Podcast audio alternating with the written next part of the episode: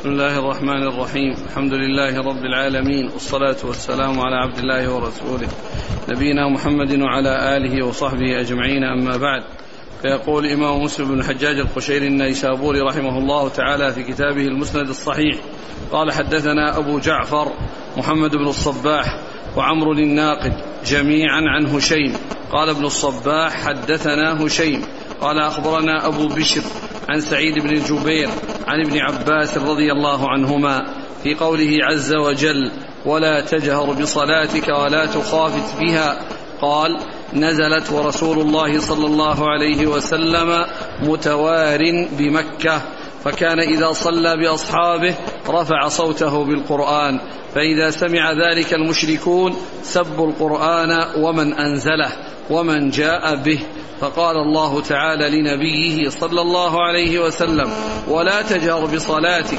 فيسمع المشركون قراءتك ولا تخافت بها عن أصحابك أسمعهم القرآن ولا تجهر ذلك ولا تجهر ذلك الجهر وابتغ بين ذلك سبيلا.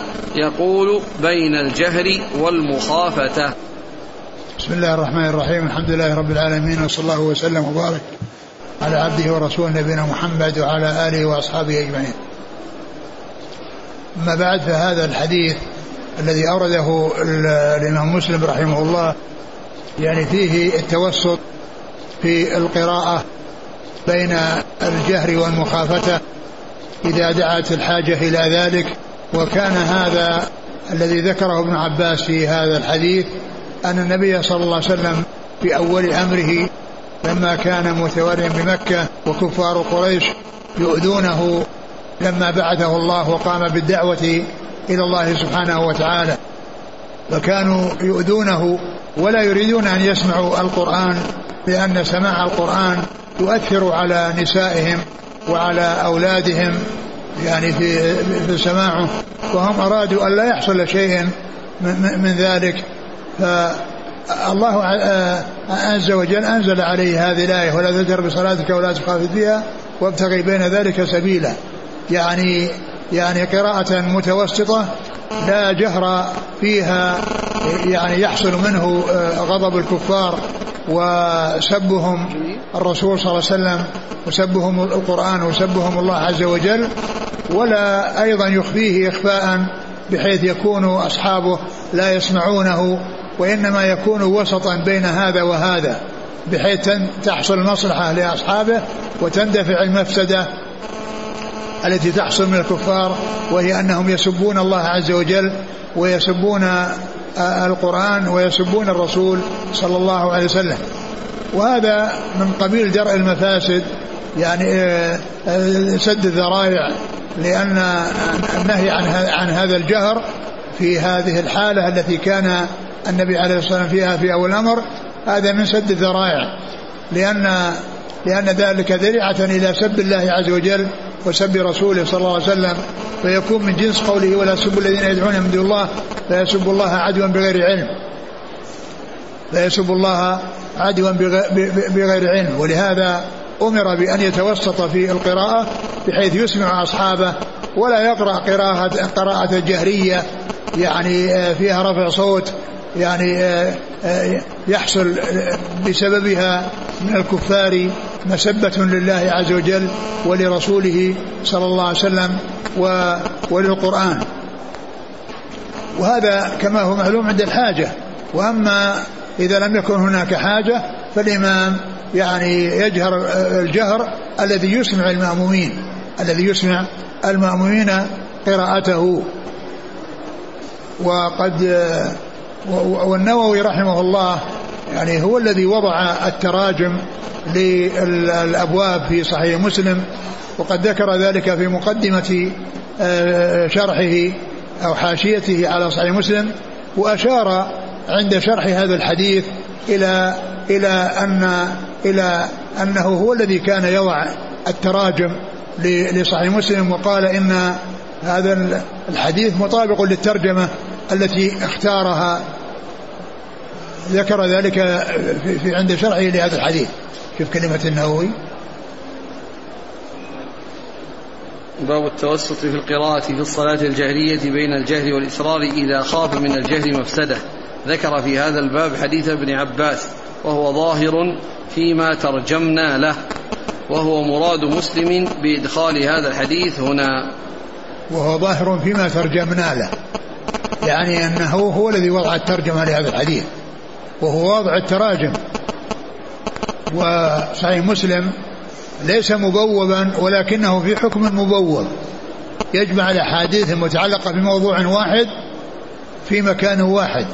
ولهذا النووي يعني آه ذكر في في شرحه أو في حاشيته هذه الأبواب ولهذا جاءت في الحاشية وما جاءت في أصل الصحيح.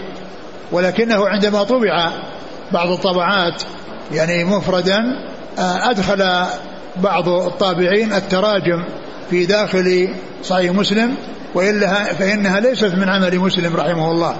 ليس من عمل مسلم و و وقد ذكر غيره أيضا تراجم أخرى. ولكن المشهور هذه التراجم التي عند النووي وهي التي أدخلت في بعض طبعات الكتب طبعات كتاب صحيح مسلم. نعم قال حدثنا أبو جعفر محمد بن الصباح وعمر الناقد جميعا عن هشيم. هشيم بن بشير الواسطي. عن أبي بشر. وهو جعفر بن إياس بن أبي وحشية.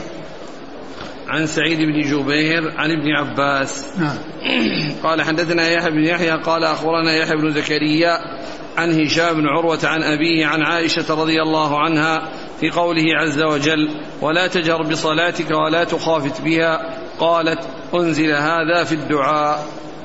ثم ذكر هذا الحديث عن عائشة وأن هذا في الدعاء وأن الدعاء وأن الإنسان يعني يدعو يعني غير جاهر ولا مخف يعني إخفاء شديدا ولكن كونها في ما ذكره ابن عباس يعني من أن أنه آه، يحصل آه، بسبب ذلك إيذاء المسلمين للرسول إيذاء الكفار للرسول صلى الله عليه وسلم والمسلمين بسب الله عز وجل وسب القرآن وسب رسول الله عليه الصلاة والسلام. فهذا هو الذي يعني ولهذا قال لا يجهر ولا تجهر إنه لا يجهر بالقراءة يعني إنه لا يجهر بالقراءة يعني ليس يعني كذلك الدعاء يكون في مخافته وأن لا يرفع فيه ولكن كونه يعني بالقراءة التي قد تخفى على الصحابة وقد تكون جهرية الجهر فيها شديد فيحصل الإيذاء من من الكفار لله عز وجل ولرسوله صلى الله عليه وسلم ولكتابه. قال حدثنا يحيى بن يحيى عن يحيى بن زكريا عن هشام بن عروة عن أبيه عن عائشة. قال حدثنا قتيبة بن سعيد قال حدثنا حماد يعني بن زيد. حا قال وحدثنا أبو بكر بن أبي شيبة قال حدثنا أبو أسامة ووكيع. حا قال وحدثنا أبو كريب قال حدثنا أبو معاوية. كلهم عن هشام بهذا الإسناد مثله. نعم. قال حدثنا قتيبة بن سعيد عن حماد بن زيد قال حا وحدثنا أبو بكر بن أبي شيبة عن أبي أسامة. حماد بن أسامة. ووكيع. ابن الجراح. حا قال وحدثنا أبو كريب. محمد بن العلاء. عن أبي معاوية. محمد بن خازم. كلهم عن هشام بهذا. نعم. قال قال رحمه الله تعالى وحدثنا قتيبة بن سعيد وأبو بكر بن أبي شيبة وإسحاق بن إبراهيم كلهم عن جرير. قال أبو بكر حدثنا جرير بن عبد الحميد عن موسى بن أبي عائشة. عن سعيد بن جبير عن ابن عباس رضي الله عنهما في قوله عز وجل لا تحرك به لسانك. قال كان النبي صلى الله عليه وسلم إذا نزل عليه جبريل بالوحي كان مما يحرك به لسانه وشفتيه فيشتد عليه فكان ذلك يعرف منه. فأنزل الله تعالى لا تحرك به لسانك لتعجل به. أخذ أخذه أخذه تعجل به يعني بأخذه. نعم. تعجل به أي بأخذه. نعم.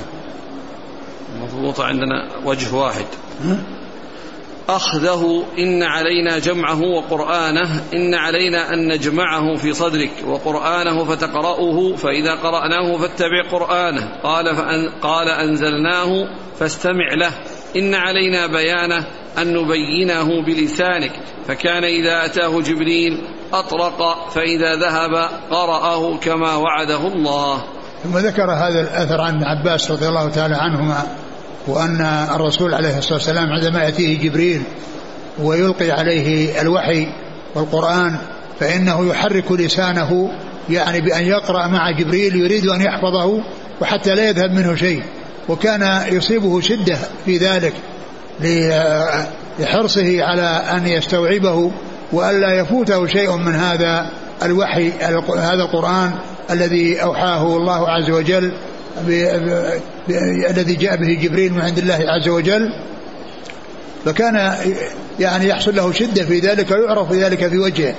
والله عز وجل أمره بأنه إذا قرئ عليه القرآن وسمعه من جبريل فإنه يصغي ولا يحرك لسانه ليعجل به ليحرص على استيعابه وعلى حفظه بل عليه أن يصغي ثم الله عز وجل يثبته في قلبه ولا يفوته منه شيء ويقرأه, ويقرأه على غيره على التمام والكمال. فكان بعد ذلك عليه الصلاة والسلام عندما يوحي إليه جبريل القرآن يصغي إليه.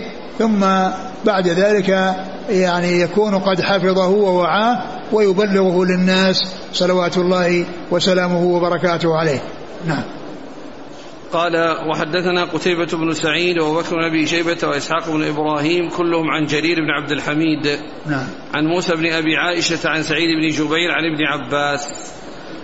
قال حدثنا قتيبة بن سعيد قال حدثنا أبو عوانة عن موسى بن أبي عائشة عن سعيد بن جبير عن ابن عباس رضي الله عنهما في قوله لا تحرك به لسانك لتعجل به. قال كان النبي صلى الله عليه وسلم يعالج من التنزيل شدة كان يحرك شفتيه. فقال لي ابن عباس أنا أحركهما كما كان رسول الله صلى الله عليه وسلم يحركهما. فقال سعيد أنا أحركهما كما كان ابن عباس يحركهما. فحرك شفتيه. فأنزل الله تعالى لا تحرك به لسانك لتعجل به. إن علينا جمعه وقرآنه. قال جمعه في صدرك ثم تقرأه فإذا قرأناه فاتبع قرآنه. قال فاستمع وأنصت ثم إن علينا أن تقرأه. قال فكان رسول الله صلى الله عليه وسلم إذا أتاه جبريل استمع فإذا انطلق جبريل قرأه النبي صلى الله عليه وآله وسلم كما قرأ كما أقرأه. نعم. وهذا مثل الذي قبله. قال حدثنا قتيبة بن سعيد عن أبي عوانة. الوضاح بن عبد الله اليشكري. قال رحمه الله تعالى حدثنا شيبان بن فروخ قال حدثنا أبو عوانة عن أبي بشر عن سعيد بن جبير عن ابن عباس رضي الله عنهما قال ما قرأ رسول الله صلى الله عليه وسلم على الجن وما رآهم. انطلق رسول الله صلى الله عليه وسلم في طائفة من أصحابه عامدين إلى سوق عكاظ. وقد حيل بين الشياطين وبين خبر السماء وأرسلت عليهم الشهب فرجعت الشياطين إلى قومهم فقالوا ما لكم؟ قالوا حيل بيننا وبين خبر السماء وأرسلت علينا الشهب. قالوا ما ذاك؟ قالوا ما ذاك إلا من شيء حدث. فاضربوا مشارق الأرض ومغاربها فانظروا ما هذا الذي حال بيننا وبين خبر السماء. فانطلقوا يضربون مشارق الأرض ومغاربها فمر النفر الذين أخذوا نحو تهامة وهو بنخل عامدين إلى سوق عكاظ وهو يصلي بأصحابه صلاة الفجر. فلما سمعوا القرآن استمعوا له وقالوا هذا الذي حال بيننا وبين خبر السماء. فرجعوا إلى قومهم فقالوا يا قومنا إنا سمعنا قرآنا عجبا. يهدي إلى الرشد فآمنا به ولن نشرك بربنا أحدا.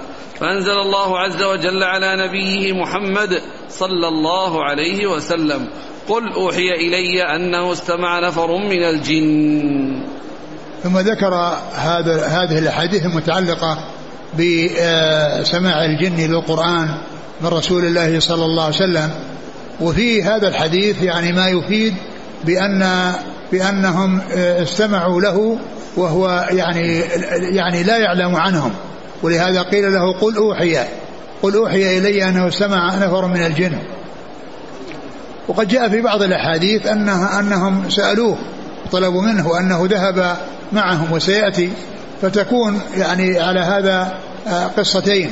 قصة فيها أنه لم يعلم بهم ولم يدري عنهم والثانية أنه قد علم قد علم بذلك. وفي هذا الحديث الذي فيه أنهم كانوا يسترقون السمع وأنها يعني حرست السماء بالشهب وأنهم كان ترسل عليهم الشهب فتحرقهم وأنهم حدث شيء آه، يعني شيء آه، يعني جديد فأرادوا أن يبحثوا عن هذا الشيء الجديد ما هو؟ فأرسلوا جماعات إلى جهات مختلفة يبحثون عن الحدث الجديد الذي حصل. فكان الذين جاءوا إلى تهامة آه، كان عليه الصلاة والسلام يصلي ببعض أصحابه وهو ذاهب إلى سوق عكاظ ليدعو الناس يعني إلى إلى التوحيد وإلى أن يدخلوا في الإسلام وأن يعبدوا الله وحده لا شريك له. فوصل إليهم الجن الذين كانوا يطوفون في هذه الجهة حتى استمعوا لقراءته صلى الله عليه وسلم وهو يقرأ ويصلي بأصحابه الفجر. وقالوا هذا هو الشيء الجديد. هذا هو الشيء الجديد الذي حدث. يعني هذا الوحي الذي يعني جاء به الرسول عليه الصلاة والسلام وأنها وأنه حصل حراسة يعني لهذا لهذا الوحي وحفظ له من الله سبحانه وتعالى. وفي الحديث دليل على أن الجن لا يعلمون الغيب. على أن الجن لا يعلمون الغيب.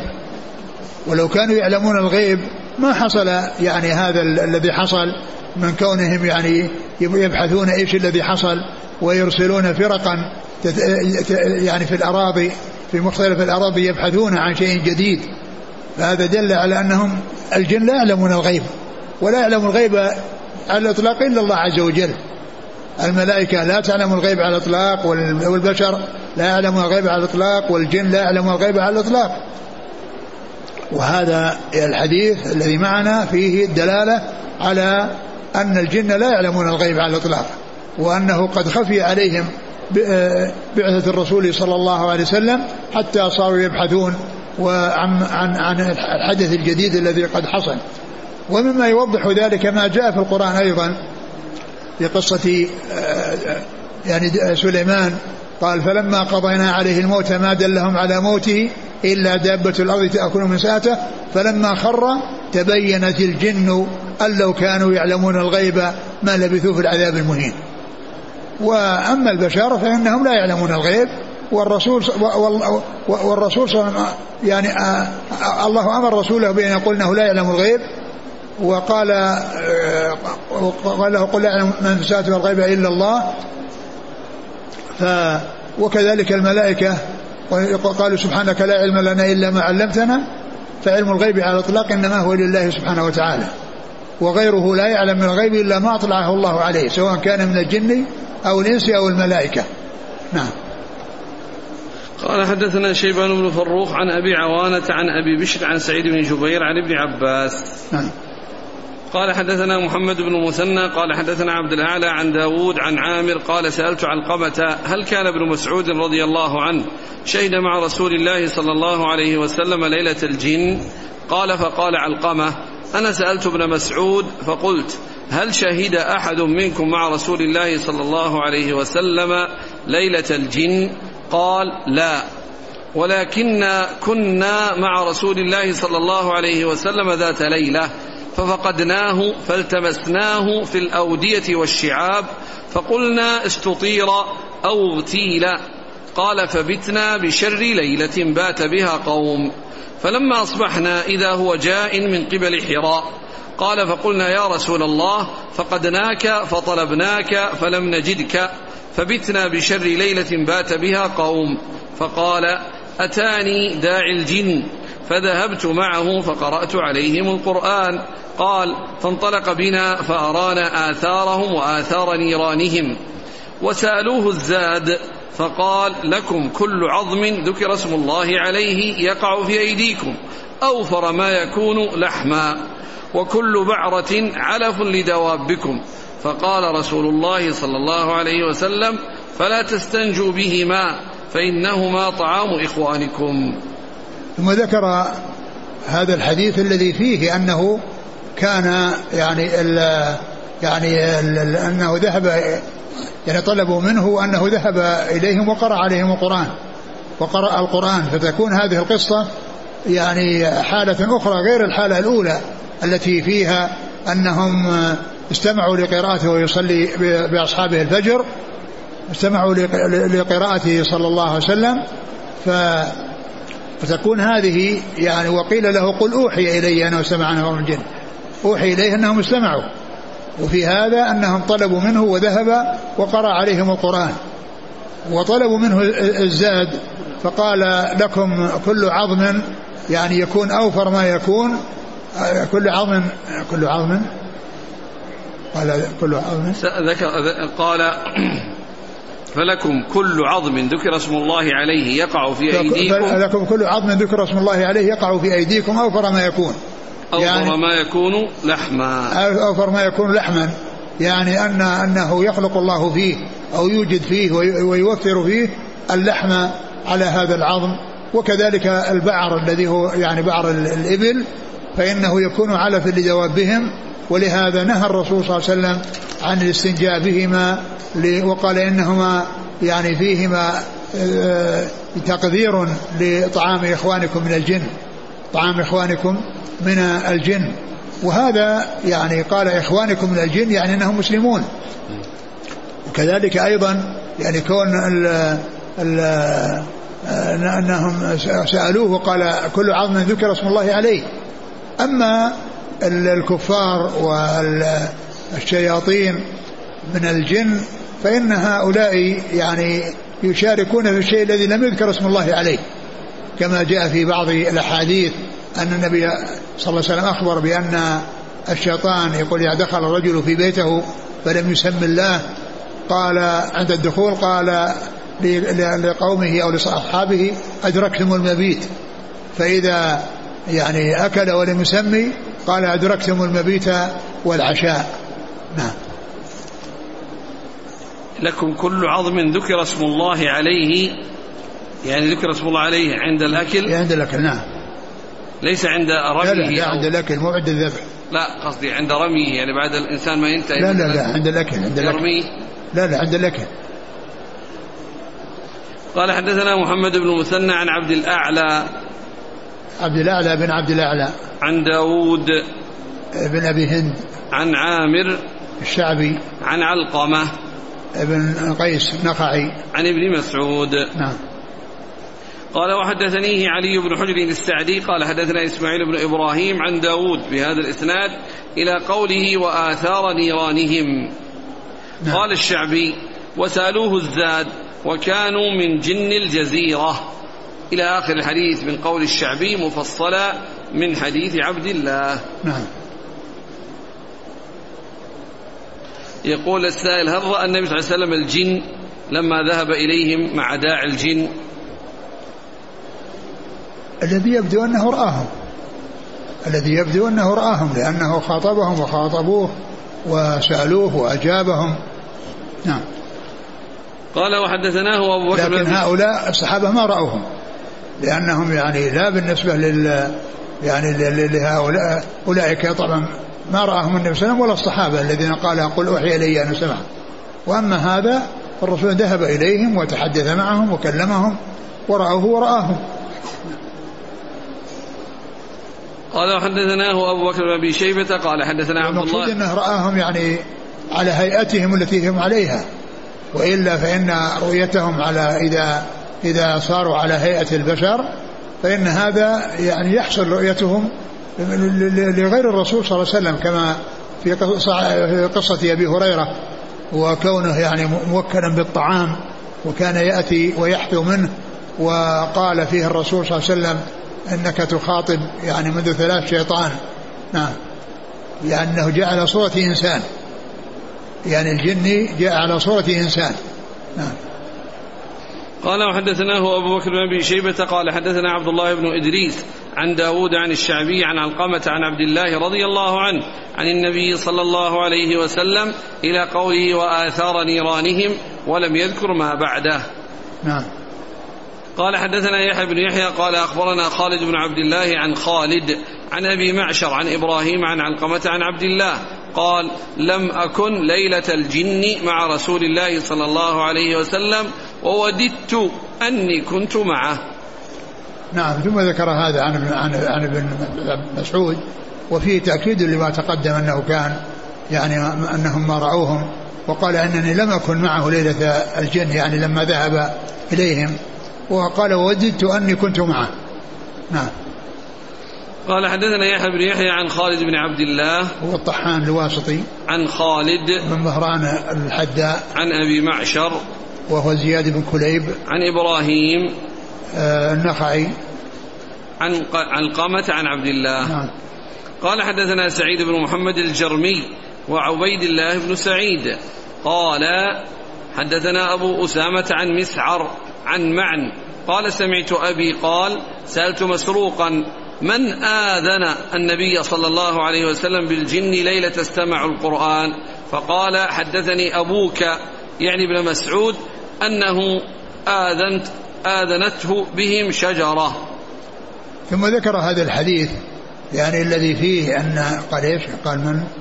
من آذن النبي صلى الله عليه وسلم بالجن ليلة استمع القرآن. من آذن يعني أعلم النبي صلى الله عليه وسلم ليلة استمع القرآن آذنه بالجن يعني أعلمهم. قال أعلمه شجرة. يعني الله خلق فيها يعني هذا يعني يعني خلق الله فيها يعني ذلك حتى حتى أبلغت الرسول عليه الصلاة والسلام. ومعلوم أن هذا إنما يكون بالكلام. والرسول عليه الصلاة والسلام هذا من معجزاته ومن دلائل نبوته عليه الصلاة والسلام. وقد ثبت في الصحيح أن حجرا بمكة كان يسلم عليه إذا مر به ويقول السلام عليك يا محمد. حجر يتكلم. فكذلك الشجرة هي آذنته أي أعلمته بالجن الذين استمعوا لقراءته. والإسناد قال حدثنا سعيد بن محمد الجرمي وعبيد الله بن سعيد عن أبي أسامة عن مسعر. مسعر بن كدام. عن معن. معن بن عبد الرحمن بن آه عبد الله. بن عبد الله آه بن مسعود. نعم معن بن عبد الرحمن بن عبد الله بن مسعود. معن بن عبد الرحمن بن عبد الله بن مسعود. قال قال معن قال سمعت أبي أبي اللي هو عبد الرحمن بن عبد الله وهو كان به يكنى لأن ابن مسعود يكنى أبو عبد الرحمن. نعم. قال سألت مسروقا. قال سألت مسروقا ابن الأجدع. أيوه. من هذا النبي صلى الله عليه وسلم؟ فقال أبوك. حدثني أبوك. قال فحدثني أبوك.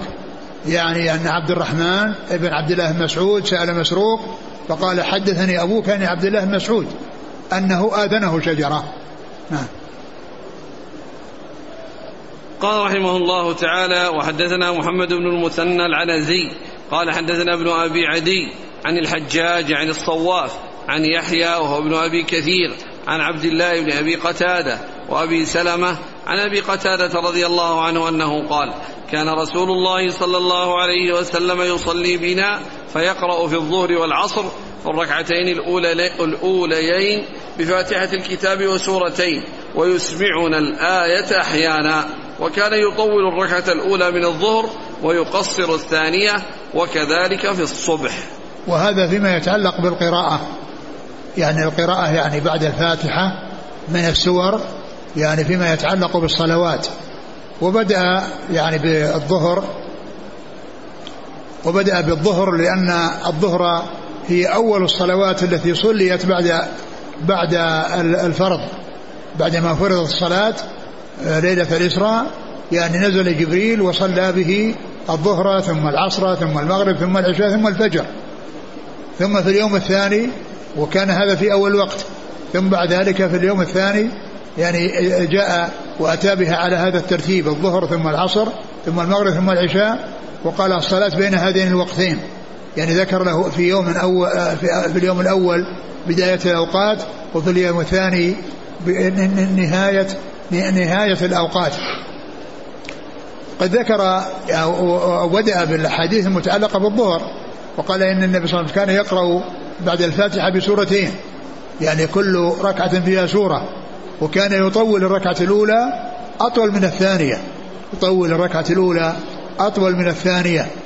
ولعل السبب في ذلك أن يتمكن الناس من الحضور وأن يحضروا إلى أن يدركوا الصلاة أو يدركوا أول الصلاة. يعني الذين يأتون أو الذين حصلت الإقامة وهم ليسوا في المسجد يعني ومن جاء إلى المسجد فإنه يدرك الصلاة إذا طولت الركعة الأولى.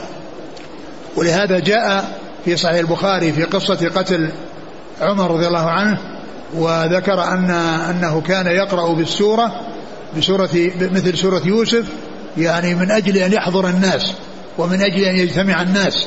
وقد نص على الحكمة يعني في قصة قتل آه، صلاة عمر آه، بالناس وقتله. يعني آه، وهو يصلي بالناس الصبح فكان يقرأ سورة طويلة من أجل أن يجتمع الناس. فإذا هنا كما جاء في هذا الحديث أنه كان يقرأ سورتين ويطول في الركعة الأولى أكثر من الثانية. يطول في الركعة الأولى أكثر من الثانية. ولعل ذلك من أجل أن يحضر الناس وأن يدرك الناس الصلاة يعني من أولها ولا يفوتهم شيء من, من, من ركعاتها. قال إيش الحديث؟ قال كان كان صلى الله عليه وسلم يصلي بنا فيقرأ في الظهر والعصر في الركعتين الأوليين بفاتحة الكتاب وسورتين ويسمعنا الآية أحيانا. كان يطول الركعة الأولى ويسمع الآية أحيانا. يسمع الآية أحيانا يعني في الصلاة السرية ولعل السر في ذلك أن يعرفوا السورة التي كان يقرأ بها. لأنهم يعرفونها من من, من الآية. إذا يعني جهر بالآية أو حصل أن أسمعهم الآية عرفوا أنهم يقرأوا بالسورة الفلانية التي منها هذه الآية. التي منها هذه الآية. فكان يجهر يعني يعني أحيانا يعني ويستدلون بذلك على على السورة التي يقرأها أو يعني عين السورة التي كان يقرأ بها. نعم. وكان يسمعنا أحيانا. وكان يطول الركعة الأولى من الظهر ويقصر الثانية وكذلك في الصبح. نعم. وكان يطول لأن لأن الصبح تطول القراءة فيها وكذلك الظهر لأن لأنها هي الظهر والظهر والفجر هي التي تطول فيها القراءة لكن القراءة في الفجر أكثر وأطول. نعم. قال حدثنا محمد بن مثنى العنزي عن ابن أبي عدي ومحمد بن إبراهيم. عن الحجاج يعني الصواف. نعم. عن يحيى وهو ابن أبي كثير. نعم. عن عبد الله بن أبي قتادة وأبي سلمة.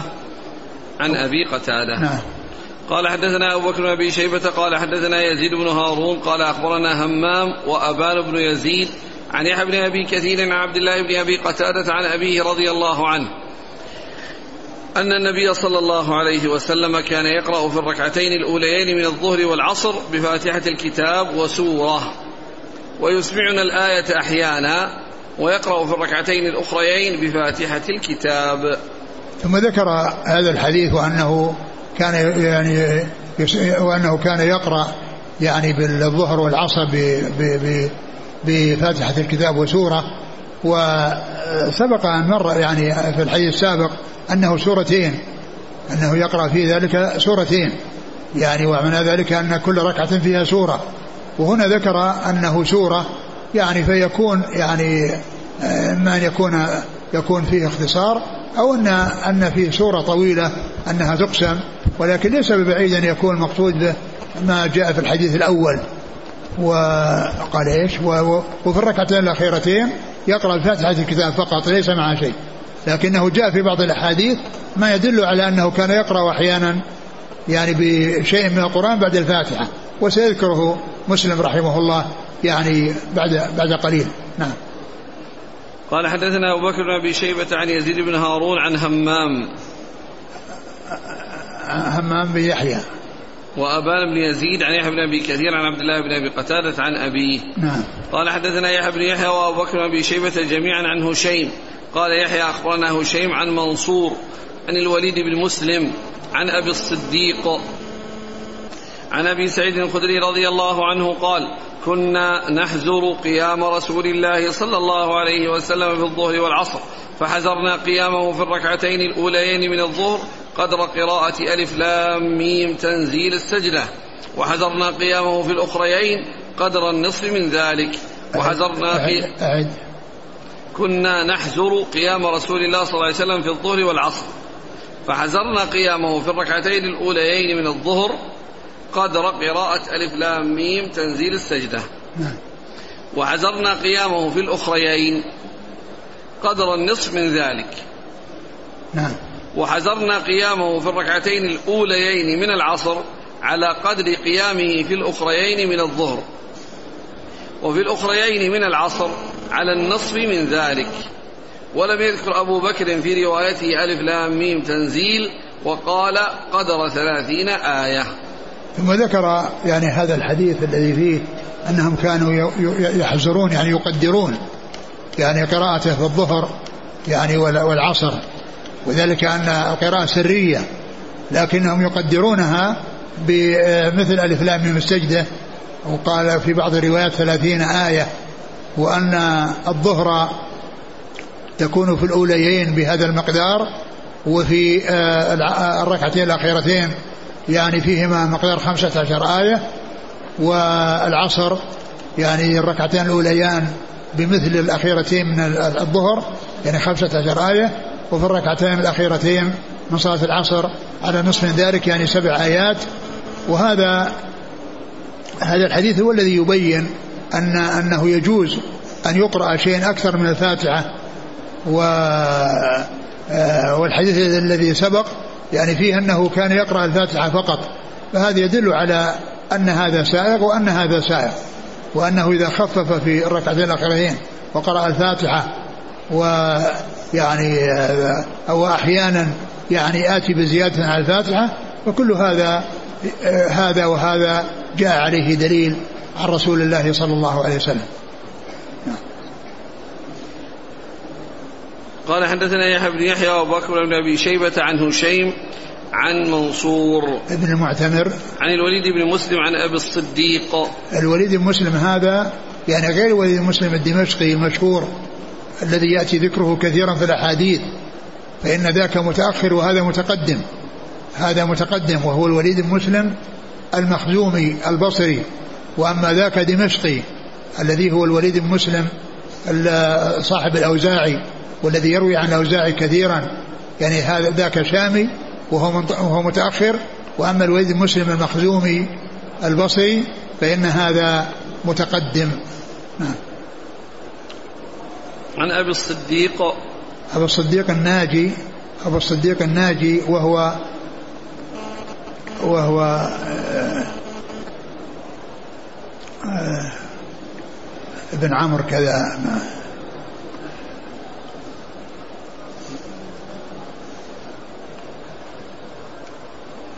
وهو بكر بكر بن عمرو.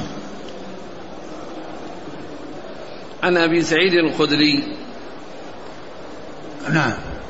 قال حدثنا شيبان ابن فروخ قال حدثنا أبو عوانة عن منصور عن الوليد أبي بشر عن أبي الصديق الناجي عن أبي سعيد الخدري أن النبي صلى الله عليه وسلم كان يقرأ في صلاة الظهر في الركعتين الأوليين في كل ركعة قدر ثلاثين آية وفي الأخريين قدر خمس عشرة آية أو قال نصف ذلك وفي العصر في الركعتين الأوليين في كل ركعة قدر قراءة خمس عشرة وفي الأخريين قدر نصف ذلك. وهذا مثل الذي قبله إلا أن فيه تفصيل أن الثلاثين الآية في الركعة الواحدة من الظهر يعني في الركعة الأولى ثلاثين وفي الركعة الثانية ثلاثين وفي العصر أو في الركعتين الأخيرتين خمسة عشر في كل ركعة. أعد المتن كان صلى الله عليه وسلم يقرأ في صلاة الظهر في الركعتين الأوليين في كل ركعة قدر ثلاثين آية. في كل ركعة. قدر ثلاثين آية. نعم. وفي الأخريين قدر خمس عشرة آية. نعم. يعني في كل ركعة. نعم. أو قال نصف ذلك. نعم. وفي العصر في الركعتين الأوليين في كل ركعة قدر خمسة, خمسة عشرة. يعني أن ما يقرأ به في الركعتين الأوليين من العصر مماثل لما يقرأ به في الركعتين الأخيرتين من الظهر. نعم. وفي الأخريين قدر نصف ذلك. نعم.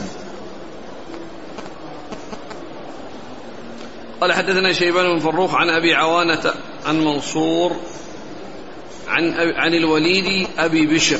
نعم.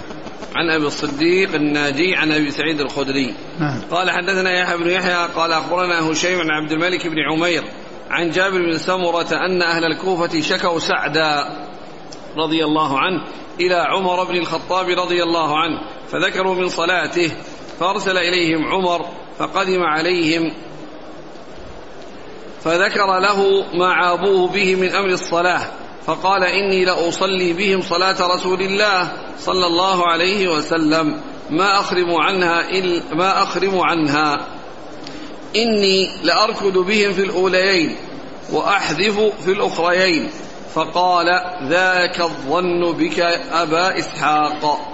ثم ذكر هذا الحديث عن عن سعد بن وقاص رضي الله تعالى عنه وهو أنه كان يصلي بأهل الكوفة صلاة رسول الله صلى الله عليه وسلم وأنه كان يعني يطيل في الركعتين الأوليين ويقصر أو القراءة في الركعتين الأخيرتين وأنه يعني يصلي بهم صلاة رسول الله صلى الله عليه وسلم. وكان أهل الكوفة يعني بعض السفهاء من أهل الكوفة تكلموا فيه وقدحوا فيه ونالوا منه حتى تكلموا في صلاته وقال إنه ما يحسن الصلاة. هذا كلام يقال في رجل يمشي على الأرض وهو من أهل الجنة. من العشرة هم بشرين بالجنة رضي الله تعالى عنه وأرضاه. يعني ما سلم من السفهاء الذين عابوه وتكلموا فيه حتى تكلموا في صلاته. فعمر رضي الله تعالى عنه طلبه فجاء إليه وقال إن أهل الكوفة يعني قالوا فيك كذا وكذا فأخبره بأنه يصلي بهم صلاة رسول الله صلى الله عليه وسلم. فقال هذا هو الظن بك يا أبا إسحاق. هذا هو الظن بك يا أبا إسحاق.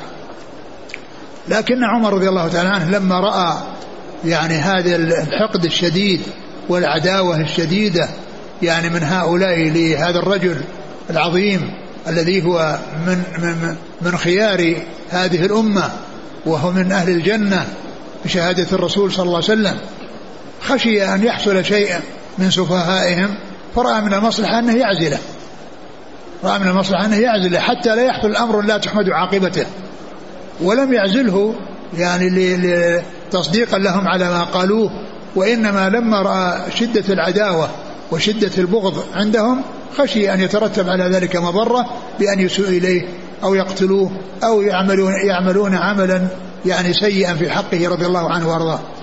لكنه رضي الله عنه ما نسي أن ينبه على هذا عند موته وبعدما طعن واختار ستة أهل الشورى يختارون خليفة للمسلمين من بينهم وكان منهم سعد بن أبي وقاص. ف يعني خشي أن خشي أن أحد يتكلم.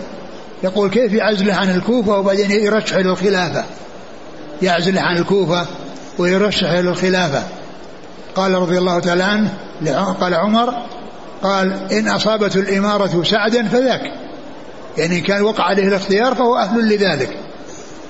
وإلا قال قال فإني لم أعزله وإلا فليستعن به من أمر.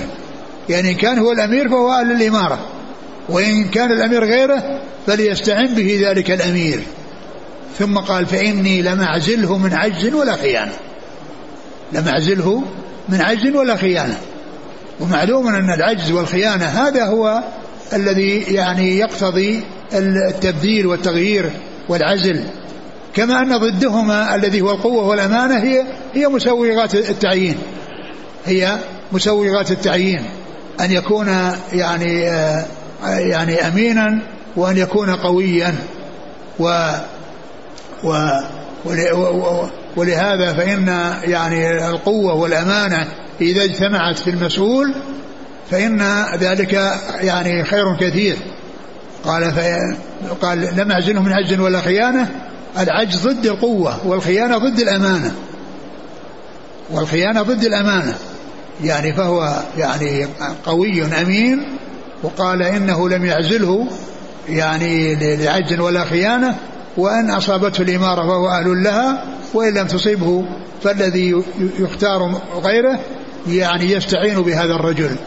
وهذا من يعني من من وفاء عمر ومن نصحه وفطنته وحذقه رضي الله تعالى عنه وأرضاه. رأى المصلحة أنه يعزله حتى لا يترتب على ذلك مضرة من هؤلاء السفهاء الذين تمكن منهم الحقد إلى أبعد الحدود. نعم. قال حدثنا يحيى بن يحيى عن هشيم عن عبد الملك بن عمير نعم. عن جابر بن سمرة عن سعد. نعم. قال حدثنا قتيبة بن سعيد وإسحاق بن إبراهيم عن جرير عن عبد الملك بن عمير بهذا الإسناد. نعم. قال وحدثنا محمد بن المثنى قال حدثنا عبد الرحمن بن مهدي قال حدثنا شعبة عن أبي عون قال سمعت جابر بن سمرة قال قال عمر لسعد قد شكوك في كل شيء حتى في الصلاة. قال أما أنا فأمد في الأوليين وأحذف في الأخريين وما آل ما اقتديت به بالصلاة رسول الله صلى الله عليه وسلم. فقال ذاك الظن بك أو ذاك ظني بك. نعم. قال حدثنا محمد بن المثنى عبد الرحمن المهدي عن شعبة عن أبي عون. عن أبي عن أبي عون؟ عن جابر بن سمرة. وهو محمد بن عبيد الله. أبو عون هو محمد بن عبيد الله. نعم.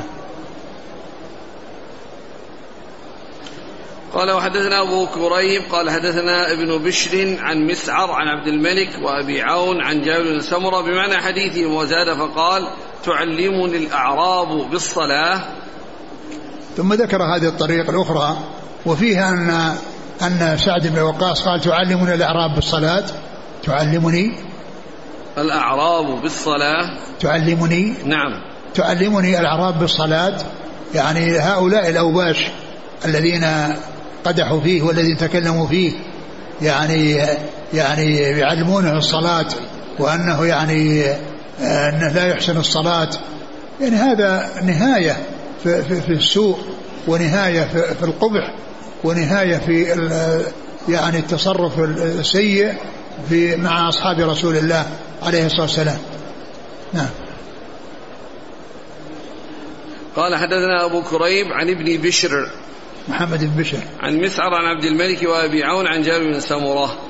قال حدثنا داود بن رشيد قال حدثنا الوليد يعني ابن مسلم عن سعيد وهو ابن عبد العزيز عن عطية بن قيس عن قزعة عن أبي سعيد الخدري رضي الله عنه أنه قال لقد كانت صلاة الظهر تقام فيذهب الذاهب إلى البقيع فيقضي حاجته ثم يتوضأ ثم يأتي ورسول الله صلى الله عليه وسلم في الركعة الأولى مما يطولها. وهذا حديث يعني يتعلق بإطالة الصلاة الظهر وأنه كان يدخل النبي صلى الله عليه وسلم في الصلاة ويذهب الذاهب إلى البقيع فيقضي حاجته ثم يأتي ويتوضأ ثم يدرك الركعة. وهذا من بعض في بعض الأحيان أو في, في أول الأمر يعني أنه كان يطول وإلا فإن الغالب يعني على ذلك أنه مثل ما جاء في الحديث الذي فيه ثلاثين يعني ثلاثين آية أنه ثلاثين يعني ثلاثين آية أو أقل من ذلك.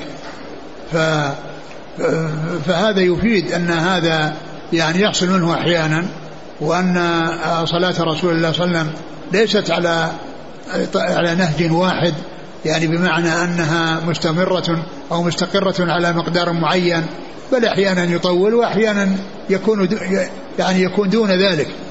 وأحيانا يطول حتى يكون بهذا المقدار. يذهب الذاهب إلى البقيع ويقضي حاجته ثم يأتي يتوضأ ثم يدرك الركعة الأولى. هذا شيء كثير ويعني شيء طويل. والرسول صلى الله عليه وسلم جاء عنه التطويل وجاء عنه عدم التطويل. وهذا يدل على أن مثل ذلك إذا حصل ولم يكن هناك مضرة تترتب على ذلك يعني على التطويل فإن ذلك سائق. وإلا فإن الأصل أن الإنسان يراعي حال المأمومين كما سيأتي في قصة معاذ بن جبل رضي الله عنه وأنه كان يطير بهم وأن يعني أحد أصحاب الذين صلوا معه قطع الصلاة وتكلموا فيه وبلغ ذلك النبي صلى الله عليه وسلم فتكلم على معاذ وأنبه على ما حصل منه من التطويل.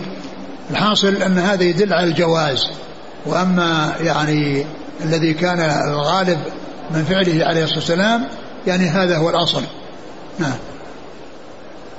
قال حدثنا داود بن رشيد عن الوليد يعني بن مسلم. هذا هو الدمشقي. هذا هو الدمشقي وطبقته متأخرة. يعني من هو تلميذه؟ داود بن رشيد. يعني هذا شيخ شيخ شيخ مسلم. هذا شيخ شيخ مسلم الذي هو الوليد بن وأما ذاك متقدم. نعم. عن سعيد وهو ابن عبد العزيز. نعم وهذا دمشقي أيضا. عن عطية بن قيس. نعم. عن قزعة. نعم. عن أبي سعيد الخدري. نعم. قال وحدثني محمد بن حاتم قال حدثنا عبد الرحمن بن مهدي عن معاوية بن صالح عن ربيعة قال حدثني قزعة قال أتيت أبا سعيد الخدري وهو مكثور عليه. فلما تفرق الناس عنه قلت إني لا أسألك عما يسألك هؤلاء عنه قلت أسألك عن صلاة رسول الله صلى الله عليه وسلم. فقال ما, ما لك في ذاك من خير؟ فأعادها عليه. فقال كانت صلاة الظهر تقام. فينطلق أحدنا إلى البقيع فيقضي حاجته ثم يأتي أهله فيتوضأ ثم يرجع إلى المسجد. ورسول الله صلى الله عليه وسلم في الركعة الأولى. ثم ذكر هذا الحديث هو مثل الذي قبله. وفيه أن أن من هو اللي سأله؟ قزعة. قزعة سأله. نعم أتيت أبا سعيد ومكثور عليه فلما تفرق وهو مكثور عليه يعني عليه زحام من كثرة الناس. المحيطين به والملتفين حوله يسألونه وهو مكثور عليه يعني اجتمع عنده أناس كثير يسألونه.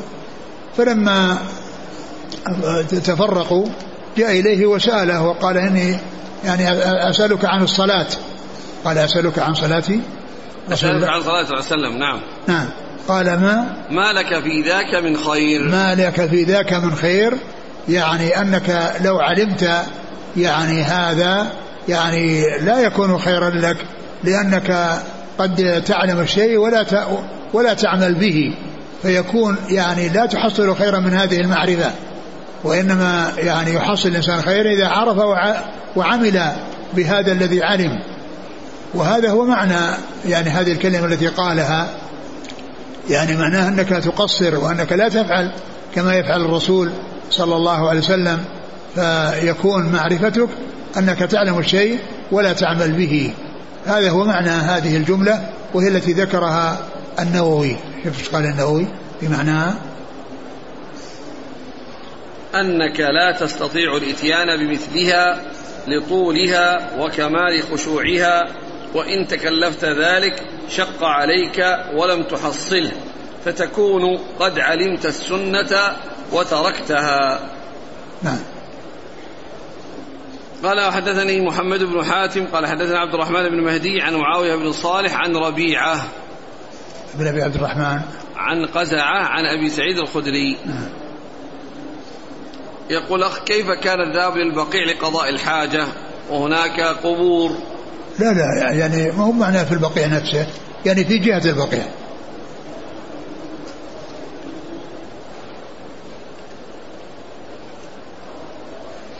قال رحمه الله تعالى إيش فيه؟ ربيعة ربيع بن أبي عبد الرحمن بن يزيد الإيادي نعم ربيع بن يزيد نعم ابن يزيد الزيادي ابن يزيد الإيادي أبو إيه. شعيب الدمشقي القصير؟ قد- ربيعة بن يزيد الإيادي أبو الإيادي. ش... نعم ها. أبو شعيب الدمشقي القصير ثقة عابد من هو اللي يروي عنه؟ تلميذه معاوية بن صالح بن حدير الحضرمي. آه.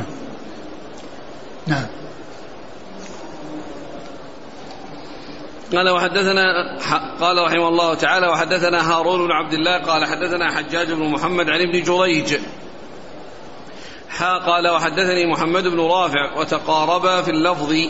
قال حدثنا عبد الرزاق قال أخبرنا ابن جريج قال سمعت محمد بن عباد بن جعفر يقول أخبرني أبو سف... أبو سلمة بن سفيان وعبد الله بن عمرو بن العاص وعبد الله بن المسيب العابدي عن عبد الله بن السائب رضي الله عنه قال صلى لنا رسول صلى لنا النبي صلى الله عليه وسلم الصبح بمكة فاستفتح سورة المؤمنين حتى جاء ذكر موسى وهارون أو ذكر عيسى محمد بن عباد يشك أو اختلفوا عليه.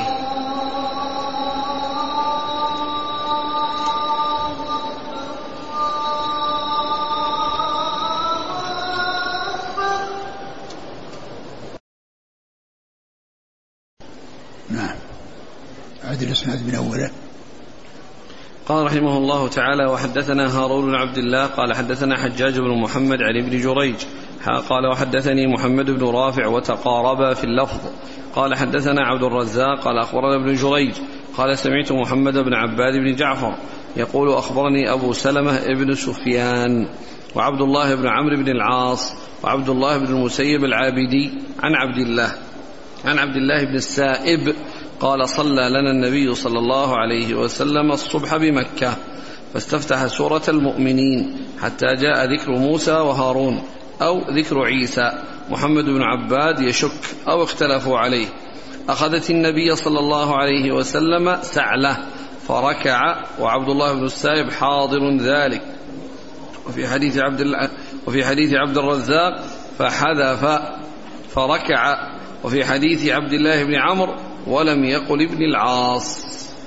ثم ذكر بعد ذلك هذا الحديث المتعلق بصلاة الفجر؟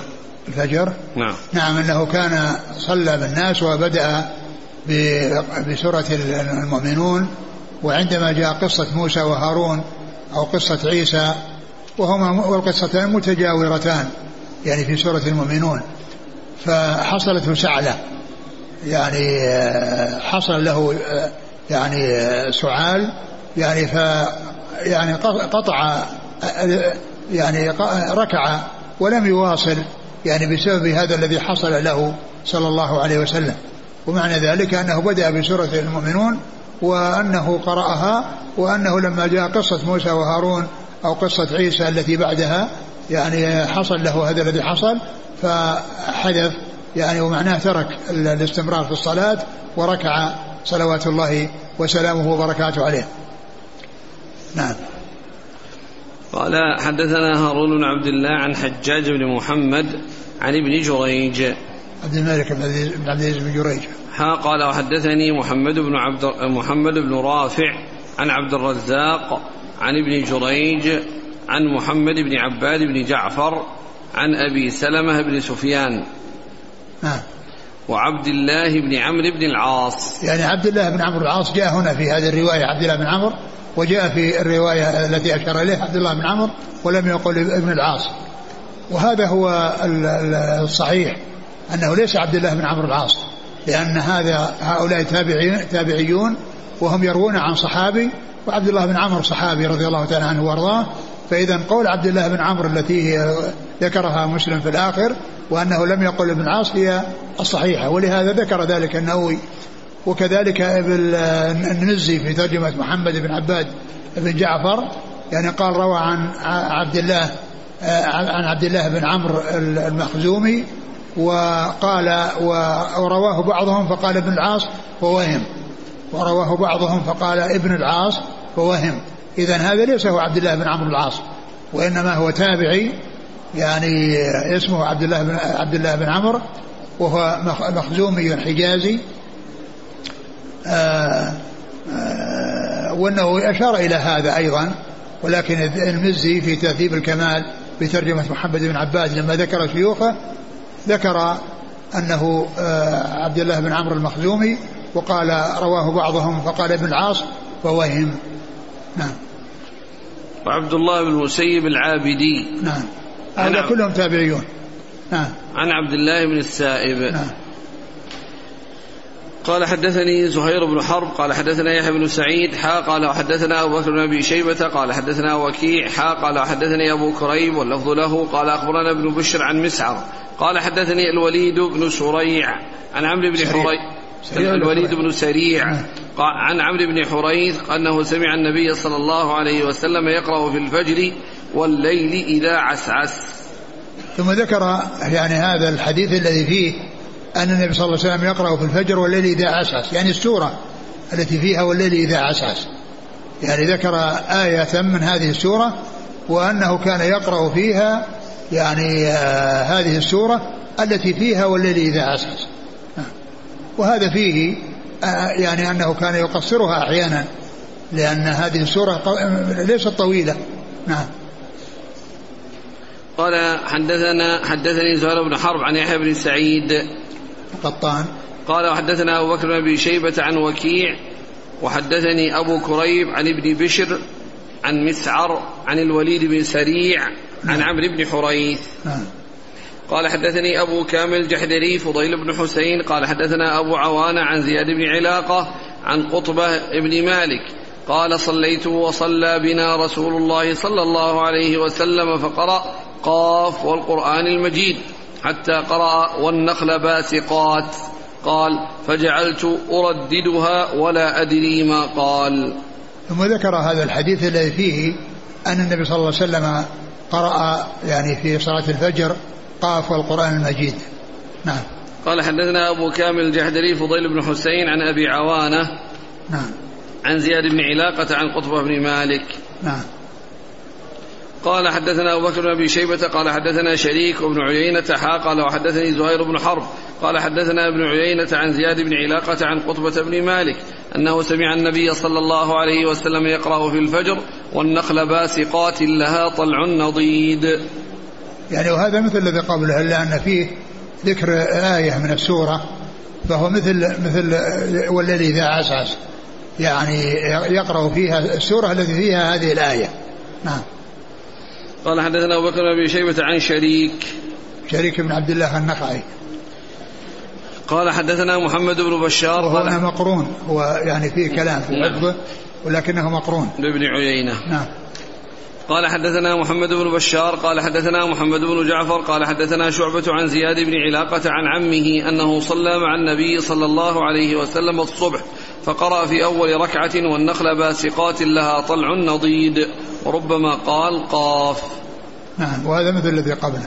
عن عمه. عمه هو ذاك اللي هو قطبة. نعم. قطبة بن مالك. ها؟ قطبة نعم، بن. قال حدثنا أبو بكر بن أبي شيبة قال حدثنا حسين بن علي عن زائدة قال حدثنا سماك بن حرب عن جابر بن سمرة رضي الله عنه قال إن النبي صلى الله عليه وسلم كان يقرأ في الفجر بقاف والقرآن المجيد وكان صلاته بعد تخفيفا. ثم ذكر هذا الحديث أنه كان يقرأ بقاف القرآن المجيد وكان صلاته بعد تخفيفا يعني كأنه بعد ذلك كان يخفف. نعم. عن حسين بن قال حدثنا أبو بكر بن شيبة عن حسين بن علي الجعفي. عن زائدة بن قدامة. عن سماك بن حرب عن جابر بن سمرة. نعم. قال وحدثنا أبو بكر بن أبي شيبة ومحمد بن رافع واللفظ لابن رافع. قال حدثنا يحيى بن آدم. قال حدثنا زهير عن سماك. قال سألت جابر بن سمرة عن صلاة النبي صلى الله عليه وسلم. فقال كان يخفف الصلاة ولا يصلي صلاة هؤلاء. قال وأنبأني أن رسول الله صلى الله عليه وسلم كان يقرأ في الفجر بقاف والقرآن ونحوها.